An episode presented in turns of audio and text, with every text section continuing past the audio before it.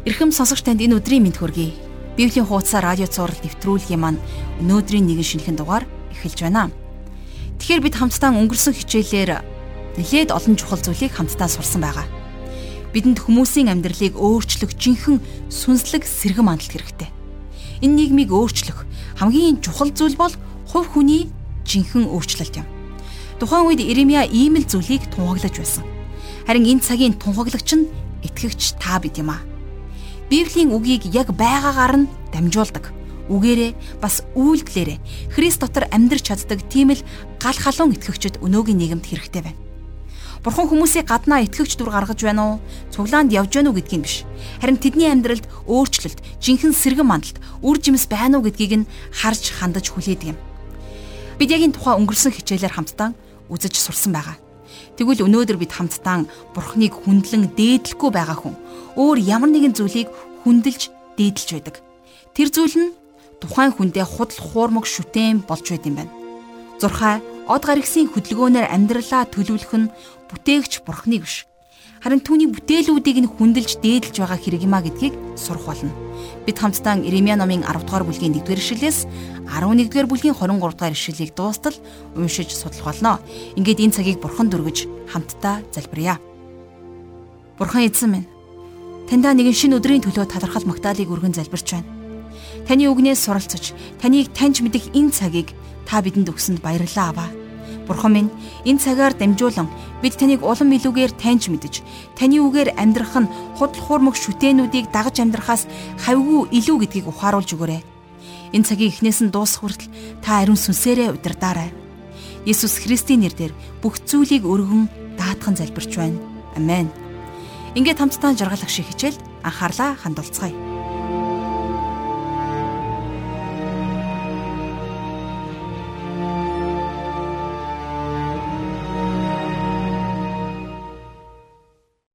За Иремья номын судлалтай хамт байгаа сонсогч танд энэ өдрийн мэндийг хүргэе. Өнөөдөр бид номынхон 10 дугаар бүлгээс эхлэн судлах болно. Тэгэхээр өнөөдрийн бидний үзэх энэ бүлэг дээрээс бид нэр Юдагийн ард түмэн бурхнаасаа татгалзаж харин өөр бусад зүйлс рүү эргэсэн тухай гардаг. Хүмүүст бурхныг орлуулах ямар нэгэн зүйл хизээд олддог. Амьд бурхныг хүндлэн дээдлэхгүй байгаа хүн бурхны оронд өөр ямар нэгэн зүйлийг орлуулчихсан явж байна гэсэн үг. Заримдаа хүн өөрөө өөрийгөө бурхан шиг дахин шүтчихсэн явж байдаг шүү дээ. Өөрийгөө шүтдэг, Зөвхөн өөрийнхөө хүслийн төлөө юу ч хийхээс буцахгүй хүмүүс зөндөө олон байдаг. Харин зарим хүмүүс мөнгийг шүтдэг. Мөнгөтэй баян чинэлэг болохын төлөө юу ч хийхээс буцахгүй хүмүүс бий. А гэтэл өөр нэг хэсэг нь бол алдар нэрийг шүтэж, алдар нэрийн хойноос хөөцөлддөг. За тэгвэл яг энэ мэдчлэн амьдралдаа хүмүүс бурхныг орлуулдаг олон олон зүйлсүүдийг байлгадаг. За тэгвэл өнөөдрийн хичээлээр хамтдаа яг л эдгээр зүйлсийн тухай Ирмиягийн өгүүлсэн үгсээс хамтдаа суралцах гэж байна. Ингээд 10 дугаар бүлгийн 1-ээс 2 дугаар ишлэл. Израилийн гэрээ Эзний чамд айлдаж байгаа үгсийг сонс. Эзэн ингэж айлдаж байна. Үндэстнүүдийн замналыг битгий сур. Үндэстнүүд Тэнгэрийн тэмдгүүдээс айдаг бол чи харин тэдгээрээс битгий ай. За тэгэхээр өнөөдөр хүмүүс Ирмиягийн үеийн шиг Тэнгэрийн тэмдгүүд буюу за нар сар од гаргисын хөдөлгөөн зурхаагаар өөрсдийнхөө амьдралыг удирдан чиглүүлсээр л байна. Харин яг үнэндээ бол энэ бүхэн бүгдээрээ шал утгагүй.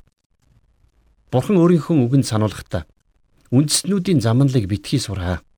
Үндэстнүүд Тэнгэрийн тэмдгүүдээс айдаг болвол чи харин тэдгээрээс битгий аа гэж хэлсэн байна. Өнөөдөр бидний зурагтаар үздэг од гаргисын зурхаа болвол үнэндээ айл Иремьягийн цаг үеэс уламжилж ирсэн бурхангүй хүмүүсийн замналын үргэлжлэл юм шүү дээ. За 3-4 дугаар ишлэлдэр ингэж бичсэн байна. Тэр хүмүүсийн заншил хий хоосон. Учир нь энэ нь ойгоос тайрсан мод.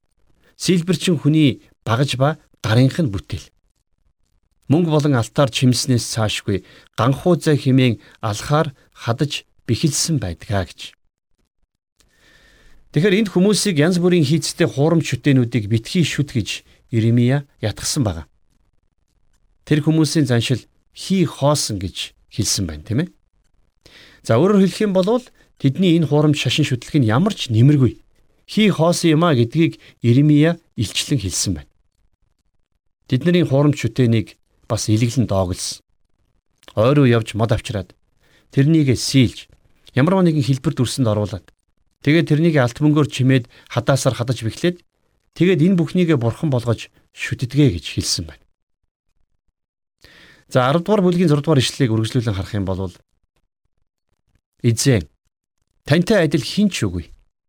Та агуу бөгөөд таны нэр хүч чадлаар агуу. Үнэхээр бурхныг бид нэр юутай ч зүүрлэх аргагүй. Амьд агуу бурхныг бид нар мод чулуутай зүүрлэж үнэн бурхнаар амьдралаа удирдуулахын оронд зурхаагаар амьдралаа удирдуулна гэдэг үнэхээр ухаангүй хэрэг.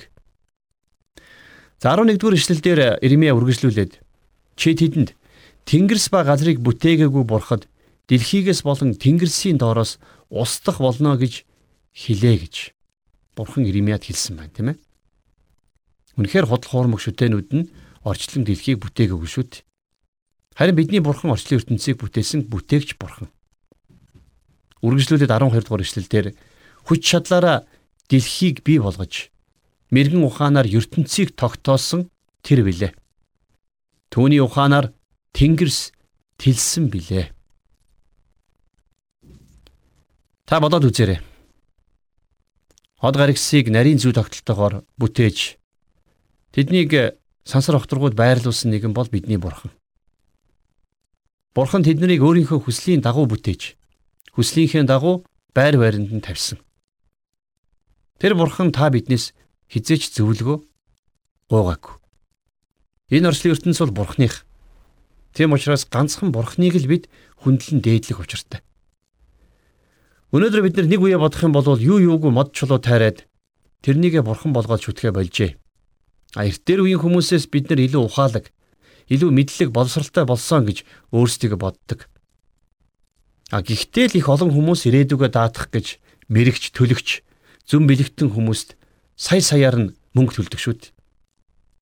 Хэрвээ бид нэр тийм л ухаантай болсон бол яагаад цорын ганц амьд бурханд хүндэтгэл мөргөл өргөхийн оронд өөр бусад зүйлсд ирээдүйн амьдралаа даатгадаг юм бэ? Яагаад бид нар энэ амьдралыг мухар сүсгийн нүдээр хардаг юм бэ? Миний бодлоор энэ асуултыг хүн болгон өөрөөсөө асууж үзэх хэрэгтэй. Үргэлжлүүлээд 10 дугаар бүлгийн 23 дугаар эшлэлдэр Эзэн минь замаа хүн өөрөө харддаггүйг би мэднэ. Алхмаа хүн өөрөө чиглүүлдэггүйг ч бас мэднэ гэж Иремая эзэнд өчсөн байна, тийм ээ. Бурхны үг байхгүй бол бидний амьдралын зам гэж байхгүй. Бурхны үгээс эргэж өөрийнхөө алхах тэр мөчөд бидний зам Бурхны замаас хазайдаг. Яагаад гэвэл бидний мөн чанар өөрөө гим нүгэлттэй. Өнөөдөр ч гэсэн ялгаагүй. Хүмүүс өөрийнхөө замыг мэдэхгүй хэврээл байна. Алхмаа өөрөө чиглүүлж байна гэж боддог ч гэсэн үнэндээ буруу тийшээ явж байдаг. Тэгэхээр ганцхан бурхан л та бидний амьдралыг зөв тийш нь залж чиглүүлэх боломжтой. За Ирмэ номын 11-ээс 12 дугаар бүлэг дээр болвол Бурхны хуулийг ард түмэнд уншиж өгсөний дараагаар тэднэрт нэгэн онцгой үгийг дамжуулан хэлсэн тухай үйл явдал гардгийг. За гитлэл номын 20 дугаар бүлэг дээр Бурхан Израильчуудад 10 хуулийг өгсөний дараагаар за хэрвээ тэдгээр хуулийг дуулууртаа даахгүй болвол тэднэрийн дээр тодорхой шийдэглүүдийг буулгах болно гэдгийг Бурхан өөрөө айлдсан байдаг. Иремья онцгойлон энэ зүйлсийг евдээчүүдэд сануулсан. Израильчуудад өгсөн хуулиндаа Бурхан Тэд нарын өдөр тутмын амьдрал ямар байх ёстой вэ гэдгийг хэлж өгсөн байдаг. Тэд нар хөрштөө хэрхэн хандах ёстой, ажил төрлөө яаж хийх, нийгмийн амьдрал нь чухам яг ямар байх ёстой вэ гэдгийг Бурхан тэднэрт нэг нэгэнгүй тодорхой зааж өгсөн. Агитл яасан гэж Израильчууд эзний өргөөнд ирж Бурхныг хөндлөн мөргөж байгаа юм шиг хэрнээ амьдрал нь тэр чигээрээ Бурхны хуулийн эсрэг байсан юм а. Иремья ийм хүмүүсийг бурхнаас алс хол байна гэдгийг шууд хэлсэн. А тэгвэл өнөөдөр итгэгч бидний хувьд цуглаанд явхаас ч илүү чухал зүйл болвол Бурхны үгийн дагуу амьдралаа замнах явдлаа гэдгийг би дахин дахин хэлмээр байна. Өнөөдөр таны амьдралыг ямар байна вэ? Та хэр шудраг үнэнч хүн бэ? Хэрвээ бид нар үнэхээр шудраг хүмүүс мөн болвол Бурхны өмнө гим нүглээж шударгаар хүлээн зөвшөөрч гимшиж чаддаг байх ёстой. Бид нар Бурхантай хамт алхаж Бурхантай ойр дотн амьдрах учиртай. Харамсалтай нь хүмүүс Ирмиягийн энэ уриалгыг сонсоогүй. За тэгвэл өнөөдөр ч гэсэн бас ийм уриалгыг сонсдог хүн цөөхөн байгаа гэдгийг бид нар сайн мэднэ. За одоо 11 дугаар бүлгийн 1-ээс 2 дугаар эшлэлдэр Эзнээс Иремияд ирсэн үг. Энэ гэрээний үгийг сонсож Юдагийн хүмүүст болон Иерусалимийн орчин суугчдад хэл. За Бурхны хуулийн номыг цэвэрлэгээ хийж байгаад сүмээс олж. За тэгээд ард түмэнд болон Йосия хаанд уншиж өгөх тэр үед Йосия хаан Бурхны өмнө ард түмнэрээ болон удирдлагчдаар эзэнд тангаргалуулж эзэн бурхандаа үйлчлэн гэсэн гэрээг хийлгсэн байдаг. За тэгэхээр энэ гэрээ гэдгийн жухамдаа Йосия хааны байгуулсан тэр гэрээг хэлж байна тийм ээ. За 3 дугаар эшлэлдэр тэдэнд Израилийн бурхан эзэн ингэж айлдаж байна. Энэ гэрээний үгийг үл дагагч хүн хараагдах болтугай. Тэгэхээр бурхны хуулийн номыг сүмээс олохоос өмнө бол ард түмэн бурхны хуулийг ердөөсөө мэддэггүй байсан. Харин одоо бол тэд нар Бурхны хуулийг нэгэнд мэддэг болсон учраас тэдний үүрэг хариуцлага нь илүү өндөр болжээ гэсэн үг. За тийм учраас Бурхан энд энэ гэрээний үгийг дагахгүй болвол хараагдах болно гэж хэлсэн баг тийм ээ. Бурхны үгийг мэддэг хэрнээ. Заалгадаг хэрнээ. Огт хэрэгжүүлдэггүй нэгэн байснаас Бурхны үгийг огт мэдэхгүй явж байсан илүү дээргээд хэлчихвэл хэлсдэхгүй баг. Бурхны үгийг мэддэг хэрнээ ердөөсөө хэрэгжүүлдэггүй итгэгч нэр зүйлсэн хүнээс огт итгэдэггүй хүн байсан илүү дээр. Бурхан тэр үл итгэгч нэгэнд нэгэн өдөр сайн мэдээг сонсгохын дамжиггүй. Харин сайн мэдээг сонссон мөртлөө ердөөсөө хэрэгжүүлэхгүй байгаа нэгэн болвол илүү хатуурсан нэгэн байна гэсэн үг тийм ээ. За 11-р бүлгийн төгсгөлд болвол Иремия төрлөх хот Анатотто хэрхэн гадуурхагдсан тухай үйл явдал гардаг. За тэгэхээр энэ үйл явдлыг хамтдаа 11-р бүлгийн 19-оос 21-р ишлэлээс харцгаая.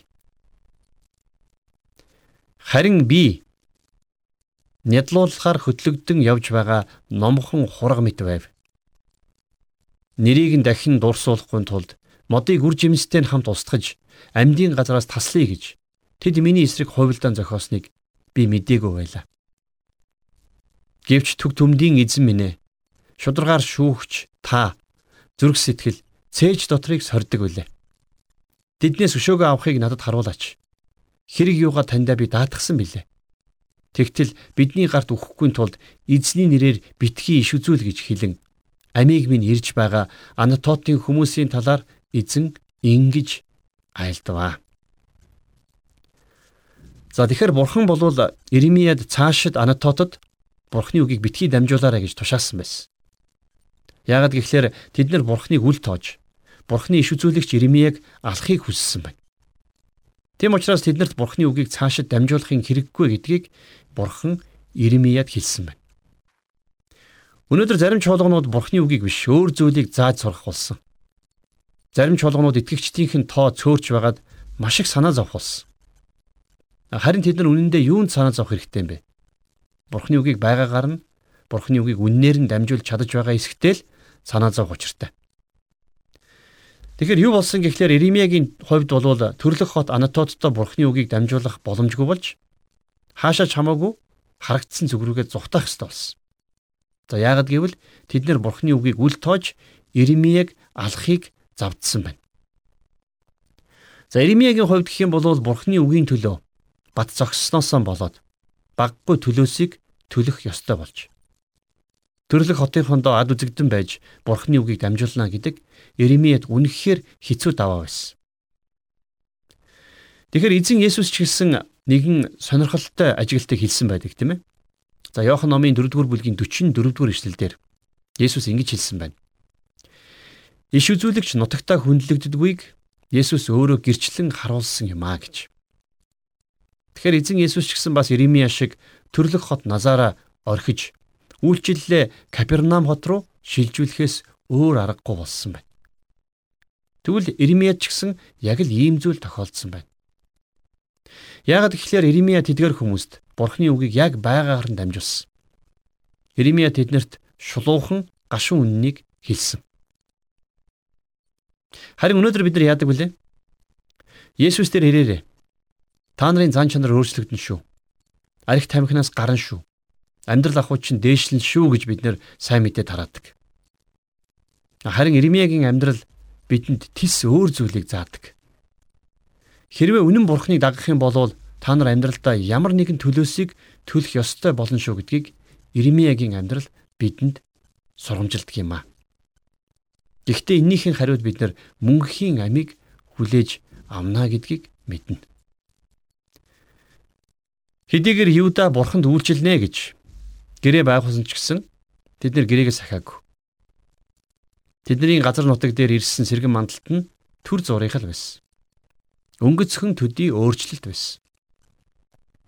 Мэдээж Ирмигийн үгс заримд нь хүрч. За тэгээд тэднээс зарим нь үнэхээр бурхан эзэн рүүгээ эргэсэн байсан. Ирмиягаар дамжуулан бурхан эдгээр бүх үгсийг Юдагийн хотууд за бас Иерусалимийн гудамжнуудад тунх гал энэ гэрээний үгсийг сонсож тэднийг үйлд гэж тушаасан байсан. Гэхдээ улс үндэстний хэмжээнд нь аваад үзэх юм бол нөхцөл байдал бол тийм ч их өөрчлөгдөв. Сэргэн мандалтай болсны дараагаар хүмүүс төд удалгүй бурхны зүйлс анхаарлаа хандуулахаа болж өөрсдийнхөө хуучин амьдралаараа эргээд л амьдарч эхэлсэн. За тэрч битгийх л Йосия хаан хүртэл буруу алхам хийж Египтийн фараоны эсрэг тулалдаж амиа алдсан байдаг. За тэр тулалдааны үеэр болвол Йосия хаан үхлийн шарх авч амиа алдсны дараагаар Иремья түүний хойноос гашуудсан байна. За энэхүү түүхэн үйл явдлыг болвол 2 дугаар шаштар номын 35 дугаар бүлгийн 25 дээр тэмдэглэн үлдээсэн байна. За ингэж бичсэн байна. Дараа нь Иремия Йосия зориулан гашуудлын дуу дуулжээ.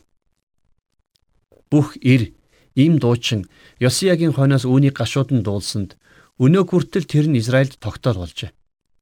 Харахтун тэдгээр нь бас гашуудлын дотор бичигдсэн юм а гэж тэмдэглэгдэн үлдсэн байна. Тэгэхээр Иремия энд үнэхээр гашуудан үйлсэн. Ягд гэвэл ард түмэн одоо зөвхөн худал хуурмаг шүтээнүүд рүү эргээ зогссоог. Ёс суртахууныхаа хувьд бүр улам бүр доройтож бузар муу хаадын удирдлагын дор мөхөл сүрэл рүүгээ явах болно гэдгийг Иремья сайн мэдэж байсан. Тэд нар үнэхээр ч Йосия хаанаас хойш уруудан доройтсоор эцэстээ Вавилоны цөллөгт явж мөхсөн байдаг. За Иремьягийн хувьд хүмүүс сонсохыг огт хүсэхгүй байгаа тэр үгсийг нь дамжуулах үүрэгтэй л хоцорсон. Харин евдээчүүд Ирмиягийн үгсийг сонсохыг хүсэхгүйгээр үл барам. Тэрний амьд хүрхийг оролдсон. Тэм учраас Ирми Анатотыг орхин явхаас өөр аргагүй боллоо. Хэрвээ Йосия хаан амьд байсан бол тэр Ирми гарцаагүй хамгаалах байсан тодорхой. Даанч харамсалтай нь одоо Йосия хаан нэгэнт үгүй болсон байсан учраас Ирмия өөрийнхөө амийг өөрөө хамгаалахаас өөр аргагүй байдалд хоцорчээ. За Йосия хааны дараа бол Йохахаз хаан хаан болсон. А гэхдээ ердөө 3 сар хаанчилсан байдаг. Египтийн фараон тэрнийг хаан ширээнээс нь зайлуулж Юдагийн хаан ширээнд Йохояким гэгч хааныг суулгасан байна. Йохояким хаан Египтэд татвар төлөх ёстой болдог.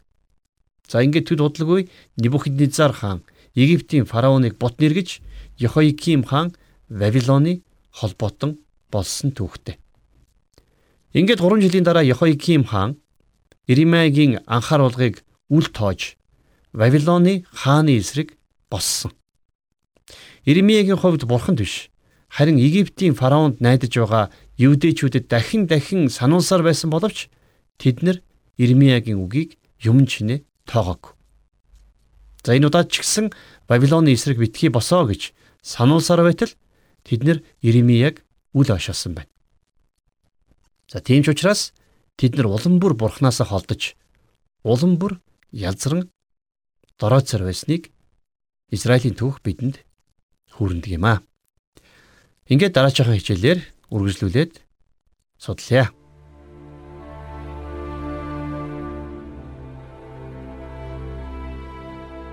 Тэгэхээр Библийн эхний ном болох Эхлэл номын 1-р бүлэг дээр энэ дэлхийг Бурхан бүтээсэн тухай маш тодорхой бичсэн байдаг.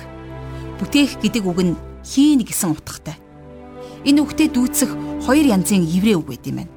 Нэг нь бара, нөгөөх нь асаах гэдэг үг юм. Асаах гэдэг нь байгаа юмар юм хийх буюу англиар бол to make гэсэн утгыг илэрхийлдэг байна. Харин бара гэдэг үг нь огт байхгүй зүйлээс урд өмнө огт байгаагүй шин зүйлийг бүтээх буюу англиар бол to create гэдэг утгыг илэрхийлдэг байна.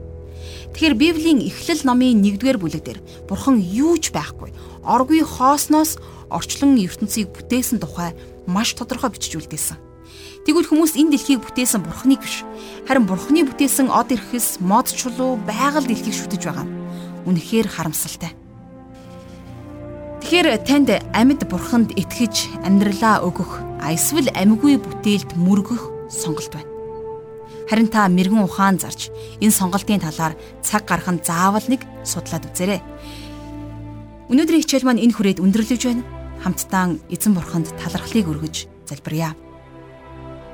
Бурхан эзэн минь таньда баярлалаа аваа. Энэ өдөр та бидэнд өөрийнхөө гайхамшигтай үгийг өгсөн учраас танд бүх алдар магтаалыг өргөж байна.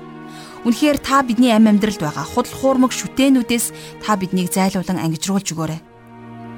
Таныг биш өөр зүйлийг амьдралдаа чухалчлан явж байгаа бол бидний нүдийг нээж бидэнд харуулж өгөөрэй. Гаднаа итгэгч хүний дүртэй хэрнээ амьдрал маань таны үгнээс хол байхыг та бидэнд бүү зөвшөөрөөрэй. Биднийг амьдралаараа таны үгийг гэрчлэн харуулдаг хүмүүс болгож өгөөрэй. Их эзэн минь та биднийг өдрө болгон ариун сүнсээрээ удирдах өгөөрэй. Бид танд оюун бодол зүрх сэтгэл, ам амьдралаа өргөж эзэн Есүсийн нэрээр залбирanгуйч байна. Амен.